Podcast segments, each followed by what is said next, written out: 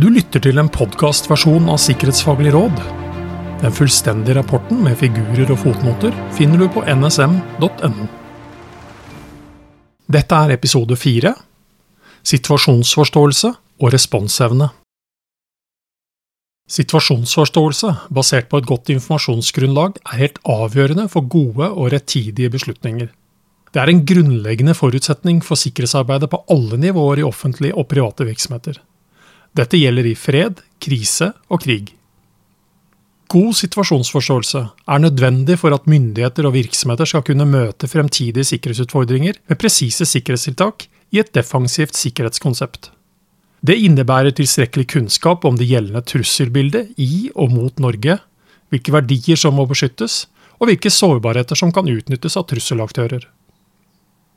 Situasjonsbildet for nasjonal sikkerhet avhenger av ståsted og vil være ulikt avhengig av myndighetsnivå, sektor eller bransje. Det må likevel være et mål at nasjonale, regionale og kommunale myndigheter har en omforent situasjonsforståelse av trussel- og risikobildet. Det er vanskelig å lykkes med en helhetlig sikkerhetsstyring fra myndighetenes side uten denne forståelsen.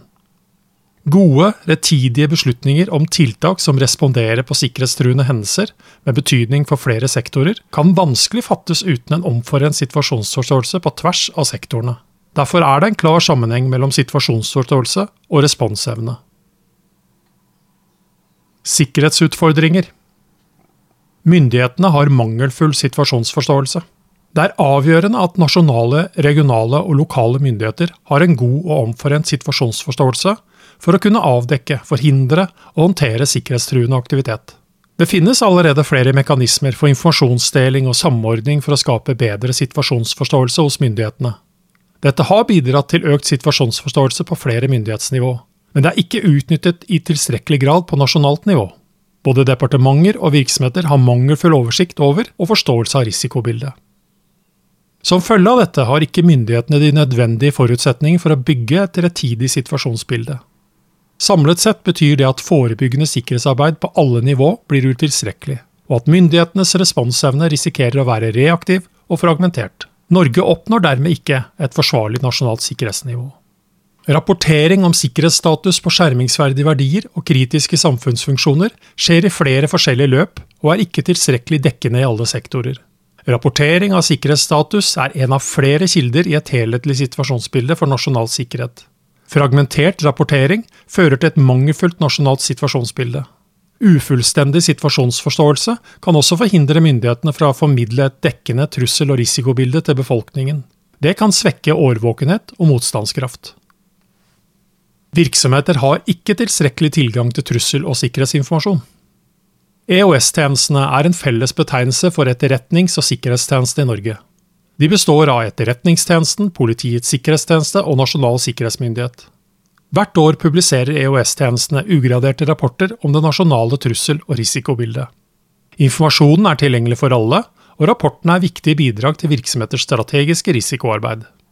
I tillegg mottar en rekke private og offentlige virksomheter graderte trussel- og risikovurderinger fra EOS-tjenestene, avhengig av situasjon og behov. Vurderingene dekker imidlertid ikke det løpende behovet til virksomheter og sektorer for oppdatert trussel- og sikkerhetsinformasjon. Spesielt gjelder dette i cyberdomenet, der risikobildet er svært dynamisk. Endringer må fanges opp tidlig og formidles raskt dersom virksomhetene skal være i forkant av trusler. Flere virksomheter og sektorer etterlyser mer spesifikk informasjon fra myndighetene om trussel- og risikobildet for egen sektor. Det finnes en rekke bransjespesifikke fora og samordningskanaler for å dele informasjon til ulike virksomheter og sektorer. Mange av disse er imidlertid adhocpreget og mangler systematikk og kontinuitet. Det er også flere virksomheter, både offentlige etater og private bedrifter, som ikke er tilknyttet slik informasjonsdeling. Det er et uutnyttet potensial i deling av datagrunnlag og sikkerhetsinformasjon mellom virksomheter og myndigheter.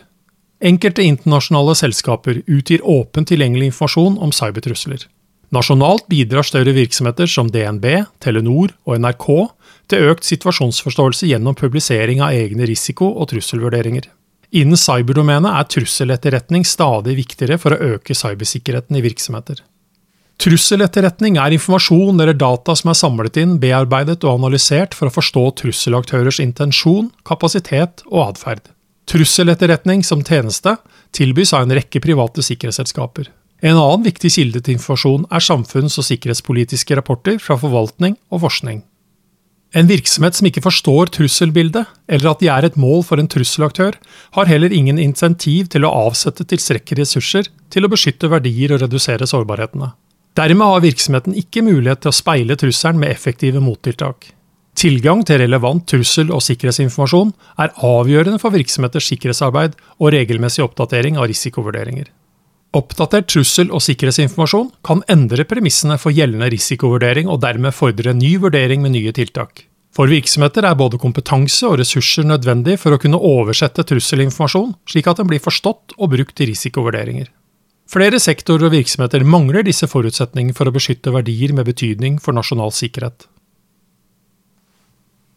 Lav innrapportering av hendelser bidrar til mangelfullt situasjonsbilde.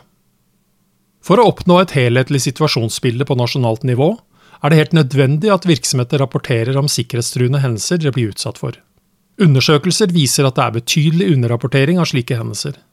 Mørketallsundersøkelsen fra Næringslivets sikkerhetsråd i 2022 viser f.eks. at kun 1 av virksomhetene innrapporterer cybersikkerhetshendelser til Nasjonalt cybersikkerhetssenter i NSM.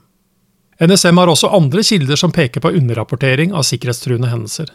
Årsaker til manglende rapportering kan være at hendelsene kun blir varslet internt, at de ikke blir ansett som varslingsverdige, av omdømmehensyn, eller at hendelsene ikke blir avdekket i det hele tatt.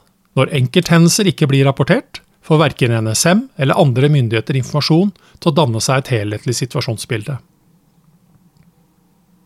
Virksomheter har ikke løsninger for sikkerhetsgradert samhandling.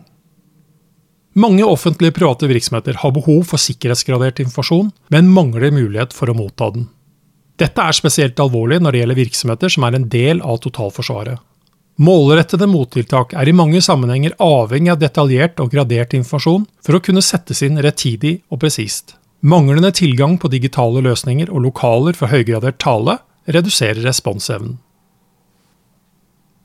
Anbefalinger et sivilt-militært situasjonssenter bør opprettes på strategisk nivå. Senteret skal sikre politisk ledelse tilstrekkelig kunnskap om situasjonen og tilgang på helhetlig og rettidig beslutningsstøtte. Det bør plasseres i umiddelbar nærhet til regjeringen. En strategisk plan og analysefunksjon knyttet til senteret skal utarbeide handlingsalternativer for å håndtere sikkerhetstruende aktivitet. Senteret må ha tilgang til rettidig trussel- og risikoinformasjon og situasjonsbilder fra både forsvarssektoren og sivile sektorer. Strukturer for samhandling, informasjonsutveksling og rapportering bør styrkes i hver sektor. Formålet er å øke situasjonsforståelsen i alle sektorer og bygge grunnlag for sektorvise situasjonsbilder. Eksisterende samarbeidskanaler mellom NSM og sektorene bør videreutvikles. Dette kan gjøres ved å videreutvikle konseptet med sektorvise responsmiljø som jobber med digital sikkerhet. Både private og offentlige virksomheter må være en del av disse strukturene.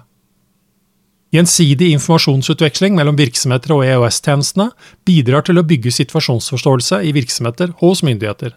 Regelmessig rapportering om sikkerhetstilstanden til verdier med betydning for nasjonal sikkerhet danner grunnlag for sektorvise situasjonsbilder. Denne sikkerhetstilstanden bør rapporteres regelmessig til sektordepartementet og NSM, slik at det blir etablert en helhetlig oversikt. Oversikten for sikkerhetstilstand bidrar inn i et felles situasjons- og risikobilde for nasjonal sikkerhet. For å styrke situasjonsforståelsen i alle sektorer er det avgjørende med distribusjon og tilgjengeliggjøring av relevant trussel- og sikkerhetsinformasjon. EOS-tjenestene må i større grad tilpasse gradert trussel- og sikkerhetsinformasjon til et ugradert nivå. Informasjonen må formidles rettidig til virksomheter som har brukt for dette. Myndighetene må legge til rette for at alle virksomheter som har behov for sikkerhetsgradert informasjon, har tilgang til graderte samhandlingsløsninger og lokaler fra gradert tale. Styrket samhandling, situasjonsforståelse og kommunikasjonsevne mellom virksomheter og myndigheter øker styringsevnen. Strukturer for samhandling om nasjonal sikkerhet bør styrkes på regionalt og kommunalt nivå. Formålet er å øke situasjonsforståelsen regionalt og lokalt. Myndigheter med ansvar for nasjonal sikkerhet og beredskap bør samarbeide om å videreutvikle samhandlingsstrukturer for sikkerhet på regionalt og kommunalt nivå. Strukturene bør sikre at aktørene får tilstrekkelig tilgang på relevant trussel- og sikkerhetsinformasjon.